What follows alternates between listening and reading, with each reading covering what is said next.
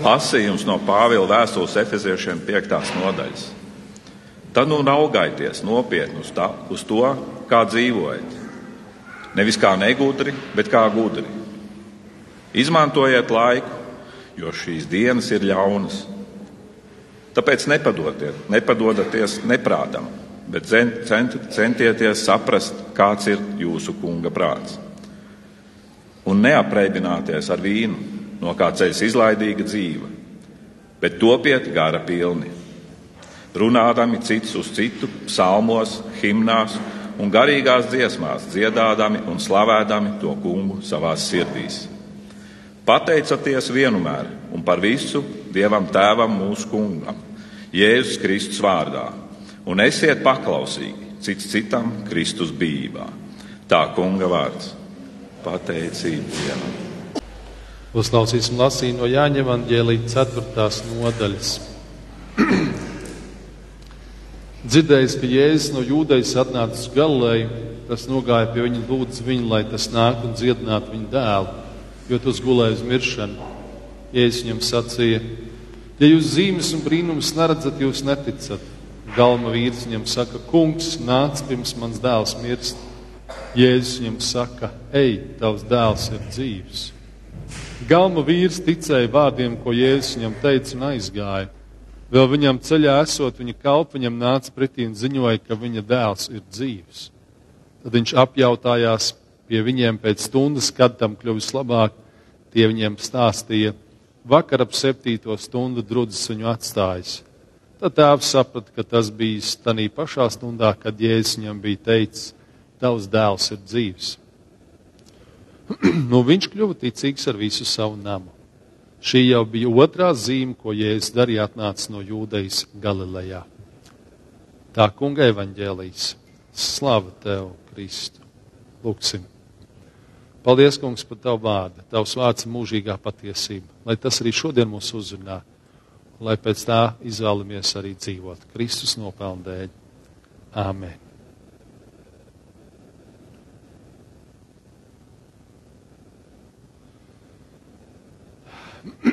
šīs dienas tematikas es nosaucu Dieva gribas meklēšanu katrā situācijā. Mēs iesim vairākām lietām cauri, bet pamatā būs uzruna par Pāvila vēstuli Efeziešiem 5. nodaļu, to, ko Ivars lasīja iepriekš, un īpaši par 16. pantu izmantojiet laiku, jo šīs dienas ir ļaunas. Um, šeit iesākumā es esmu līdz tāda bilda, um, kā tāds cietums. Um, ja mēs, um, uh, ja mēs, um, ja mēs nepiedodam cilvēkiem, ja mēs nenovēršamies no ļauna, mēs paši dzīvojam kā tādā, kā tādā cietumā, kā tādā cietuma kamerā, kur varbūt arī tā gaisma iespīd pa logu, bet mēs esam iekšā un ārā netiekam. Bet iesim visam pēc kārtas. Tad dienas ir ļaunas pēdējā laikā pēdējās dienās vai nedēļā mēs droši vien visi dzīvojam līdz notikumiem uh, starp Izrēlu un Palestīnu. Šīs kaujas, šis karš, kā viņi to ir nodefinējuši. Um, tāpat mēs zinām par Krievijas-Ukrainas karu. Un, uh, un gan abās situācijās ir ļoti dažādi no dažādiem skatījumiem skatās. Un, protams, mēs cik iespējams cenšamies atbalstīt Ukraiņu, jo tur ir agresors Krieviju un otrā gadījumā kā vairāk Izrēlu, jo tur ir šie kaujinieki, kas iebrūk un, un, un kaujās, bet mēs zinām, ka tur nav viennozīmīga tā situācija. Nevienā, ne otrā lietā. Un skaidrs, ka tas briesmīgais ir tas, ka vienkārši ļoti daudz nevainīgi cilvēki mirst tajā, kur ir kaut kādas viedokļi, kur ir kādas sadursmes, kur ir šie kari, kur viens ar otru cīnās tur nekad nekas labi nebeidzās. Tur nav uzvarētāji. Tur vienmēr ir tikai zaudētāji.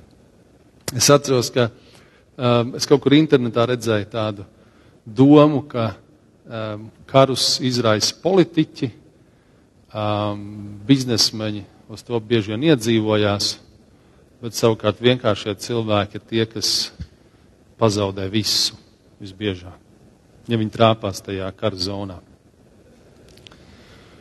Bet ziniet, kas ir ļaunākais tajā visā?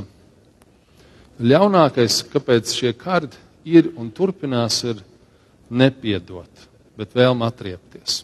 Un to mēs redzam īpaši gan pie šī kara gazas uh, sektorā, gan mēs redzam daudz kur citur, uh, kur ir vietas, kur pat uh, gadu desmitiem un, un pēc tam varbūt pat simtiem ir kaut kāda nemiera viens otram, visu laiku atriepšanas, um, jo um, kur tas ir bijis Kalna Karabaha jautājums, es esmu bijis arī Azerbaidžānā un, un es dzirdēju to Azerbaidžānas pusi, kur vīri iestājās par to savu, un tad mēs lasām, kas ir Armēnijas pusi, un atkal vēl viens konflikts, kas iet tik pa laikam, un atkal uzplaiksnī, atkal noriet, un atkal uzplaiksnī. Un, bet, ja mēs nevaram, ne, ne, mums nav šī iespēja piedot, ja mums nav kaut kādas bāzes vietas, uz kuras mēs varam nostāties vienam mirklī teikt, es to gribu izbeigt, es to nevēlos.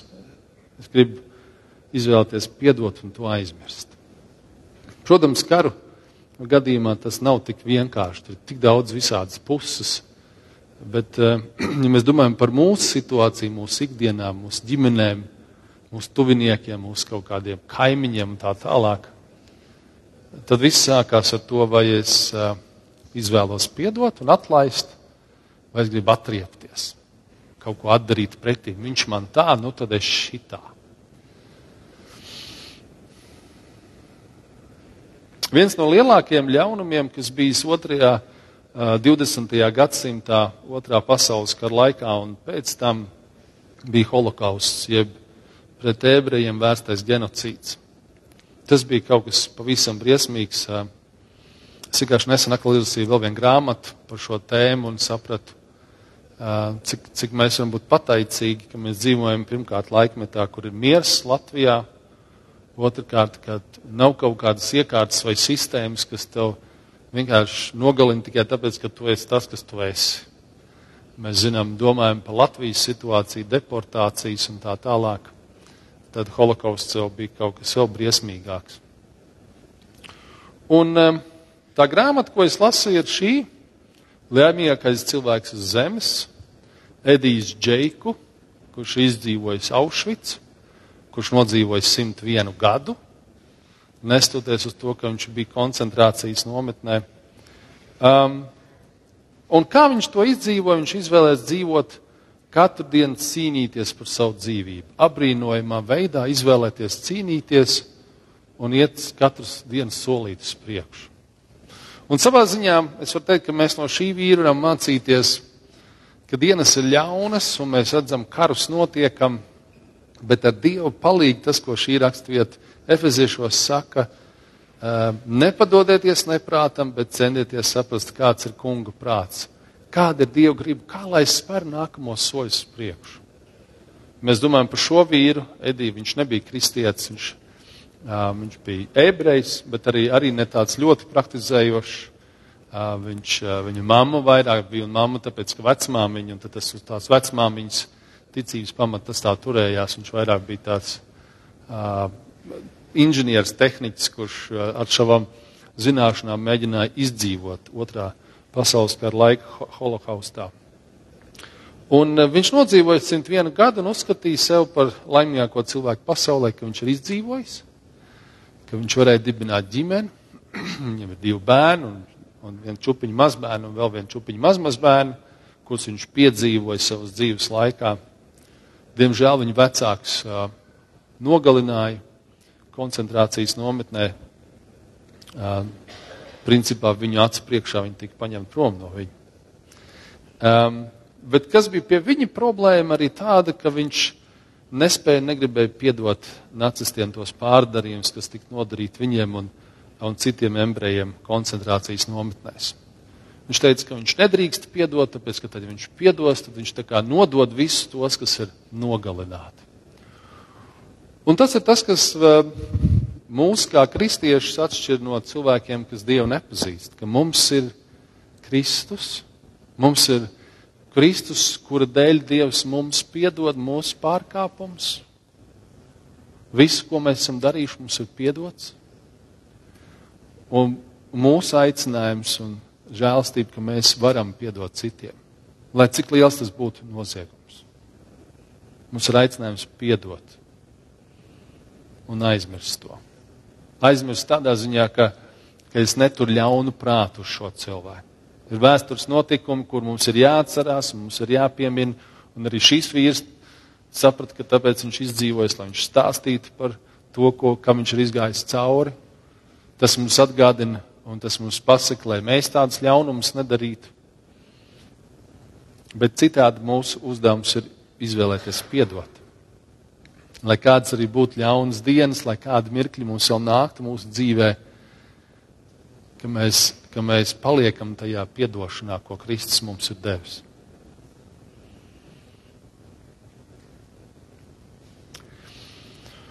Un piedošana sāks ģimenē, bērni. Pastieties uz šo bildi. Droši vien jūs varat atpazīt kā jūs brāļi ar māsām cīnās viens ar otru, vai ne? Um, katrs strīds, ko kāds bērns cīnās vai kaut ko ar otru bērnu, tas ir kā tāds mazais karš mājās, kur vecāki ļoti, ļoti vecākiem sāp sirds par to.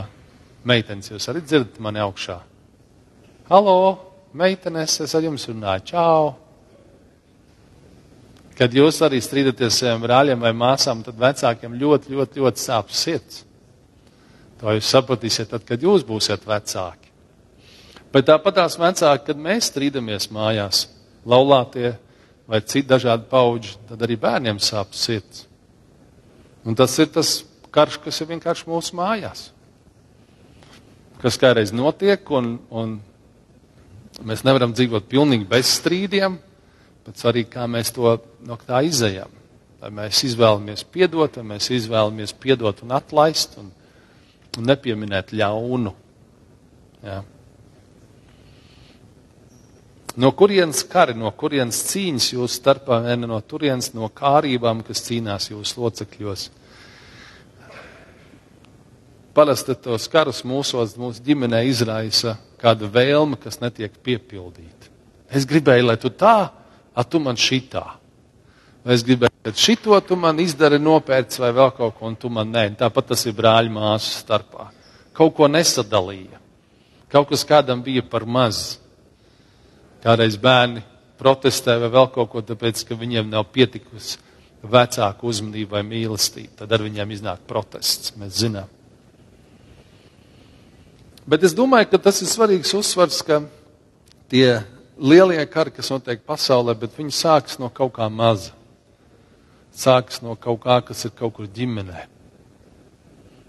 Mēs zinām, ja mēs domājam par, piemēram, par Hitleru, ne viņam nebija baigi spīdoša bērnība, un daudziem, kas ir tādi, kas ir bijuši kaut kādi lielie tādi kara izraisītāji, kaut kas tur nav. Zinām, ka daudzas arī islāmistus jau no pašas bērnības māca ka tur ir tie sliktie, kurus vajag nogalināt. Ja tu nogalini, tad tu esi baigais varonis. Tas sāks ģimenē. Tas viss sāks ģimenē, tas sāks tajā mazākajā kopībā, kur tu esi. Un tur Dievs mūs aicina, ka mēs nevienmēr varam novērst visus karus, kā saka. Bet mēs varam pēc šī kara izlīgt, piedot un censties vairāk nekarot, vai ne? Ar Dievu palīdzību. Ko mums darīt? Pirmkārt, mums apzināties, ka mēs esam grēcinieki un ka mēs nožēlojam grēkus, ka mēs katrs kļūdāmies. Kādreiz ir kādi cilvēki, kuriem liekas, nu es jau tā gandrīz nekļūdos. Kādreiz vīri pa savām sievām saka, ka viņas nekad nekļūdās. Viņas nekad, un kā mēs to varbūt vīri zinām, ka viņas nekad, nu, viņas nekad nelūdz piedošanas. Tas nozīmē, ka viņām liekas, ka viss ir labi. Un, protams, otrādāk. Tu esi vīrietis no pirmās pozīcijas izēja, vai ne? Bet tas nozīmē, ka, ka Dievs grib, ka mēs nožēlojam? Un to mums ik pa laikam vajag atgādināt, ka mums vajag to nožēlot, ko mēs aplam izdarījuši. Mēs taču gribam arī, lai bērni, kad viņi kaut ko aplam izdarījuši, ka, ka viņi nožēlo, viņi saka, piedod tēt vai mammu, ka es to izdarīju. Tā ir milzīga nozīme. Dievs mums jau ir piedevis visu, bet, bet vai mēs to nožēlojam? Un tad, kad mēs esam nožēlojuši, tad mēs ar Dievu palīdzību cenšamies par otru domāt labu. Pateikt visu labo tam otram, ko viņš dara manā labā, ieraudzīt to otro labā, otro, otrā cilvēkā to labo. Tas nav nemaz tik vienkārši, un mums nereti mēs gribam tikai to slikto ieraudzīt. Mēs ieraugam, mums krīt nerviem un tā tālāk tikai tas sliktais, kas nav, kas nav izdarīts, kas nav uh, piestāts, apstājies, un tad, protams, īpaši sievietēm likās, ka mēs vīrieši nejūtam sievietes, un mēs aizjām garām bieži, un tā arī ir. Bet mums vajag, lai mums pasaka to. Un tāpatās arī, kad mēs lūkojamies uz citām lietām, vai tā ir valdība, vai kaut vai arī karš vienā vai otrā zemē, ka mēs neesam pārlieku nosodoši. Bet drīzāk kā raksta mums māca, ka mēs lūdzam par to. Šodien mēs lūgsim par, par mieru Izrēlā un tajā gazas sektorā starp Izrēlu un Palestīnas kaujiniekiem. Dievs iedod mieru tur. Mēs lūgsim par karu Ukrainā, lai Dievs iedod mieru. Bet mēs lūgsim, lai tas Dieva miers arī mūsu ģimenēs, mūsu, mūsu vidū. Ka mēs varam lūkoties uz lietām, ka mēs izvēlamies piedot un, un aizlūgt, ja kaut kas nav tā kā vajag. Pāvils mūs aicina lūkoties uz visu ar pateicības acīm. Pateicieties vienmēr un par visu Dievam Tēvu mūsu kungu Jēzus Kristus vārdā. Mēs ar Odriju lasījām Polijānu. Liekas, vēl neesam beiguši. Mēs to bišķiņu. Um, Polijāna bija šī meitenīte, meitenīte, kura lūkojās uz dzīvi ar tādām acīm, ka viņa mēģināja atrast pateicību visās lietās. Viņa teica, viņa spēlēja tā kā pateicības spēli, prieka spēli, pat drīzāk to varētu saukt. Priecāties un pateikties par visu, kas ir. Un viņai nebija viegli, viņai tētis nomira, un pēc tam mamma nomira, viņa principā izauga pie krustmātes, kura bija, šodien mēs teikt, depresijā reāli. Bet viņa ne tikai krustmāte pacēla, viņa ne tikai visu to pilsētiņu pacēla ar savu prieka spēli, bet, bet viņa aiznes to arī tālāk. Viņa vienbrīd palika, viņa mašīna viņas notriec, viņa palika bez kājām, nevarēja staigāt, un, un arī tur viņa atrada savu prieku. Un viņa aizveda uz sanatoriju, un sanatorijā viņa atstāja prieku un tā tālāk. Kad mēs domājam par šo teikumu, kas ir Bībelē, pateicieties, mēs varam daudz ko domāt, bet viens veids ir lūk, spēlēt šādu prieku vai pateicības spēli, ieraudzīt katrā lietā, par ko pateikties. Un, un, un šī autore, um, Porteri, kas uzrakstījuši šo grāmatu, viņa piedāvā tādu iespēju, ka mēs varam domāt par to un īstenot savā dzīvē. Mazāk karu, vairāk prieku un pateicības, ko Dievs dāvājas. Bet arī kā atgādinājums, kad, kad mēs dusmās izteicam kādam vārdus, ka tas atstāja rētu šī cilvēka sirdī, kā tādu caurumu. Un arī tad, ja mēs to naglu no tā dēļ izvelkam, tad caurums paliek. Un to vienmēr ir labi atcerēties pirms mēs sakām, varbūt ir labāk paklusēt. Es to saku arī sev, man ar bieži iznāk kaut ko pateikt, ko nevajadzētu. Ko vēl mēs varam darīt? Meklēt aizvien lielāku brīvību Kristu. Um, saistībā ar dvēselkopšanas atbrīvošanas kalpošanu tiks uzsākti uh, dievkalpojumi uh, tajā mēnesī, kad ir piektā svētdiena, tas būs otrais dievkalpojums Šomēnes tas uh, iznāk 29. oktobris. 29. oktobrī laiku vēl ziņosim. Uh, Tātad būs parastais dievkalpojums, kā mums ir, bet pēcpusdienā visticamāk būs veicekopšanas atbrīvošanas kalpošanas dievkalpojums, kas būs uzsvers uz, uz slavēšanu, uz aizlūkšanām, uz svētā gara dāvanu lietošanu. Un, um, tur mēs varam meklēt vēl lielāku brīvību Kristū, ka mums aizlūdz, ka mēs saprotam, ka Kas ir tās problemātiskās jomas manā dzīvē, kur man vajadzīga brīvība, kur man vajag atbrīvoties, kur man vajag atdot Dievam, kur man vajag nožēlot, kur man vajag, ka lai tas nav vairs daļa no manas dzīves, ar ko es staigāju un varbūt rūgtumu vai tādu nepiedošanu sirdī. Tas ir tā kā izlaist to no sava būrīša ārā šo slikto lietu un iegūt brīvību kā šie putni, kas izlaist no brūvī, būrīša. Un visā tajā, ko es mēģināju pateikt, kad kādreiz cilvēki mēģina lasot Bībeli, baigi saprast, kas ir pareizi un nepareizi. Un savā ziņā baušļi jau ir par to, ko drīkst un ko nedrīkst. Bet kādreiz mēs varam tajā domā, kas ir pareizi un nepareizi, tik ļoti ieciklēties, ka mēs, ka mēs neredzam to Dieva žēlstību, ko Dievs mums rāda, ka nevienmēr jāstāv šajās kategorijās. Kad ja mēs domājam tādā bauslības evaņģēlīja kontekstā, jā, mums ir baušļi, bet Dievs pār visam mums dod evaņģēlīju šo žēlstību, mīlestību, un ka mēs nedaram tā, ka ja man kāds sit pats, tad es dodu pats pretim kas vecā darbā bija pilnīgi normāla padarīšana. Bet mēs paskatāmies no citas skatu punkta. Mēs paskatāmies no tādas žēlstības skatu punkta. Ja Dievs man ir tik daudz piedevis, vai ir kāda iespēja, ka es varu arī šo lietu tam cilvēkam piedot? Kaut vai tā ir maza, kaut vai tā ir ikdienišķi un kaitinoši, ka tas ir katru dienu kāds laulātais vai bērns to dara. Vai ka es ieraugu to, un es lūdzu Dievam, Dievs palīdz man to piedot un palīdz man to nepieminēt katru reizi.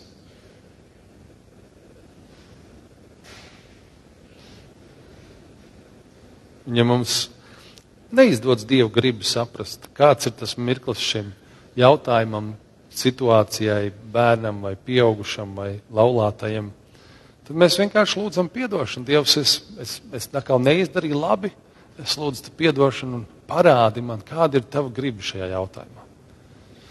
Ir daudz pareizi, nepareizi, ko bauslība saka, bet Dievs, kāda ir tava griba? Un kādreiz viņa griba ir kaut kas pa vidam tam. Un tas varbūt nav tā, ka mēs domājam, oh, tā jau mēs ejam uz kompromisiem. Nē, bet tas ir par to, ka tu skaties un tu uzlūko to cilvēku, un šajā situācijā var būt tā. Piemēram, es atceros tādu senu piemēru, kā mans viens radinieks bija izaudzis un ieguvis tiesības, viņam bija 18 gadi, un viņš taisījās braukt uz kādu pasākumu, un tagad jautājums par to, kā mammai rīkoties, vai do, viņam dot mašīnu vai nedot mašīnu. Pēc bauslības būtu, viņš vēl ir jauns, viņam nav ko braukt uz kaut kādu pasākumu. Nē. Un savā ziņā tā ir mīlestības izrādīšana. No otras puses, ja viņi iedod to mašīnu, viņi arī var parādīt mīlestību. Tāpēc, ka viņš grib braukt uz to pasākumu. Tas bija kaut kāds tusiņš.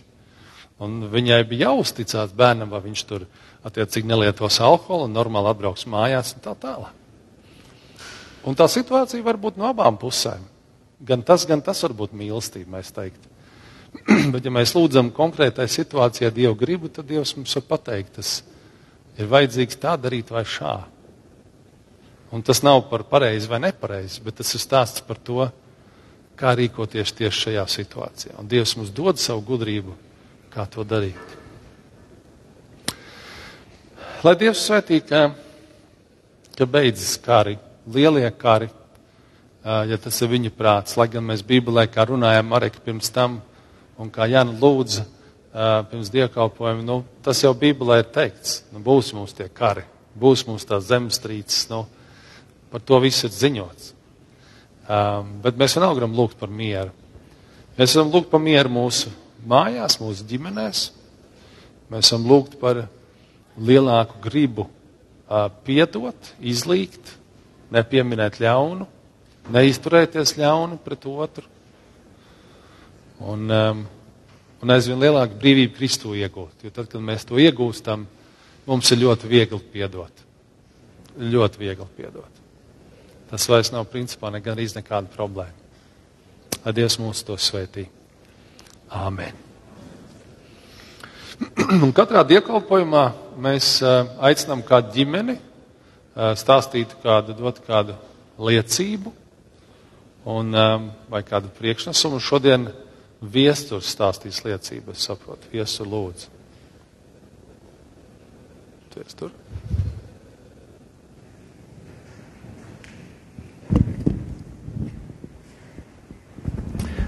Uh, labrīt, draugi! Uh, tad, kad es šorīt no rīta bišķīt, uh, kas saka, gatavojos, manā sieva teica, lai tikai es uh, nesāku otru sprediķi lasīt šodien. bet uh, neuztraucieties, būs diezgan īsi. Um, jā, kā, kā rakstu vieta bija mums, nu viens pāns no, no lasījuma bija rūpīgi raugiet, kā jūs dzīvojat. Nedzīvojiet kā negudri, bet kā gudri. Un uh, bieži vien mums šķiet, ka uh, nu, kāda starpība, kā mēs dzīvojam, mūsu dzīvē nav liela jēga, nav liela nozīme, vai ne mēs. Uh, kā, kā, kā Salamans mācītājs vai ne ir teicis, vai ne, kad piedzimstam, nodzīvojam labi, ja 70 gadus un nomirstam un nav baigā jēga. Un, uh, un es gribēju par kādu ģimeni pastāstīt. Tad, tad, tā nebūs mūsu ģimene, bet tad, tad sākās viss ar, ar kādu sievieti vārdā Jete. Viņa dzīvoja sen, sen atpakaļ, 1800. gados, un Jete aprecējās ar uh, kādu Jūlijus. Jūlijus nebija nācis no īpaši uh, turīgas ģimenes, nu nebija arī tā pavisam nabadzīgs, bet nu, viņš bija diezgan nu, tāds pieticīgs ģimene viņiem bija, un viņi uzsāka savu uh, uzņēmumu graudu pārdošanā, un, uh, un Jetei, tātad Jete bija mājasēmniece, viņa palika mājās, uh, Jūlijus uh, smagi strādāja, centās uh, gūt panākumus, un, uh, un šajā laikā viņiem piedzima arī uh, četri bērni. Uh, tas bija uh, Fanija, Jē, Jēkabs, Cēzars un uh, Paulīna. Un uh, Jēta viena pati mājās ar šiem bērniem pa dienām pavadīja daudzas stundas, un, un viņai arī noteikti likās, nu kāda jēga īsti manai dzīvē, es tikai audzinu mājās bērnus, nu mans vīrs vismaz naudu pelna. Un, Un jā, un tiešām viņas vīram izdevās, viņš kļuva par vienu no vis, varētu teikt, no tādiem ietekmīgākajiem graudu tirgotājiem Vācijā tajā laikā. Tad, tad Jūlijus Kohs, jā, tad, tad, bet ar to viss nebeidzās. Meita Paulīna, man te tie vārdi jāapskatās nedaudz, tad, tad meita Paulīna aprecējās ar kādu jaunu cilvēku vārdā Hermanis. Un viņu ģimenē piedzima mazdēliņš vārdā Alberts. Mazdēliņš Alberts līdz trīs gadu vecumam uh, nemācēja īsti runāt, un uh, vecmāmiņa Jete bija uztraukusies, nu, kas no tā Alberta dienās iznāks, nu, līdz trīs gadu vecumam īsti nerunā. Uh, pēc tam mazdēliņš Alberts uh, tā kā sāka violi spēlēt, bet viņam īsti nepatika. Viņš atmet violi spēlēja ar roku, un atkal vecmāmiņa Jete domāja, nu, kas no tā Alberta izaugs. Un, Vai jūs zinat, kas izaug no Alberta? Bet nesakiet atbildi, varbūt zinat kāds jau. Vēl kādi pieskārieni. Bija arī kāds, kāds vienkārši vīrs, kuram pašam savu bērnu vēl nebija, bet uh, viņam bija brāļa dēls. Un viņš domāja, nu ko es varētu šim brāļa dēlam uzdāvināt. Uh, un viņš izvēlējās tādu varbūt diezgan uh, dīvainu lietu. Viņš izvēlējās uzdāvināt šim brāļa dēlam ģeometrijas grāmatu. Arī tāds interesants fakts. Viņi visi beigās savīsies kopā, jūs redzēsiet, būs baigi interesanti. Un vēl bija kāds tēvs, kuram uh, darbā bija iedots tā laika viens no tādiem modernākajiem izgudrojumiem, viņam bija iedots kompass. Un viņš izvēlējās to parādīt savam dēlam, pasties dēliņ, kāds interesants, uh, kāds interesants uh, izgudrojums, kompass. Tur tā būtiņa griežās, un tas dēls bija, bija pārsteigts. Mūsdienās, ja kādam parādītu kompasu, liktos, ē, kāda starpība, to droši vien mākslīgais intelekts darbina, ē, tas ir pilnīgs sīkums. Um, bet jā, viņam likās interesanti, ka tā būtiņa pati griežās, un tur kaut kādi spēki darbojās. Un uh, tas onkolis, kas uzdāvināja to ģeometrijas grāmatu, tas bija Alberta onkolis. Un tas tēvs, tas bija Alberta tēvs arī. Un uh, tātad šī Alberta vecmāmiņa arī ar ko viss sākās. Un no šī Alberta izgauga Alberts Einsteins. Tātad viens no 20. gadsimta, ja ne pats labākais zinātnieks 20. gadsimtā. Un diez vai tai vecmāmiņai šķita, ka viņas dzīve ir baigi nozīmīgā tajā brīdī, kad viņa viena pati mājās audzināja četrus bērnus, no kuriem viena bija Alberta mamma.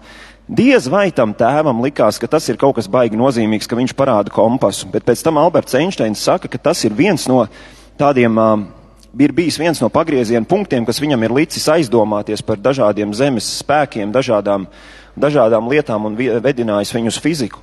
Diez vai Alberta onkolis domāja, ka viņš kaut ko ļoti tādu, nu viņš domāja, nu labāk jau tam Albertam tur ar to violi nesanāca, nu varbūt, kad ar, ar, ģeometriju vismaz sanāks. Bet arī Alberts Einsteins teica, ka tas ir arī bijis viens no pagrieziena punktiem viņa dzīvē, kad viņš ir lasījis šo geometrijas grāmatu, viņam licies, bāc, cik interesanti, šito var izrēķināt, to var izrēķināt. Tā kā mēs nezinām, kā mūsu katra mazā lieta, kas mums var likties pilnīgi nenozīmīga, kā tā var ietekmēt kāda cita cilvēka, vai varbūt pēc tam pat visas pasaules, un arī mūsu dzīves, jo arī mūsu dzīves Alberts Einsteins ir ietekmējis. Nu tā kaut kā. Un jā, kā Raimons teica, viss sākas ģimenē. Tātad mēs ģimenē, jūs nezināt, kurš no jums ir vecmāmiņa, vecvecmāmiņa, māmiņa, tētis, krustāvs nākamajam dižanajam pasaules zinātniekam, zinātniecei, vēstniekam, prezidentam vai vēl kaut kam tādam. Lai jums jauka diena. Paldies!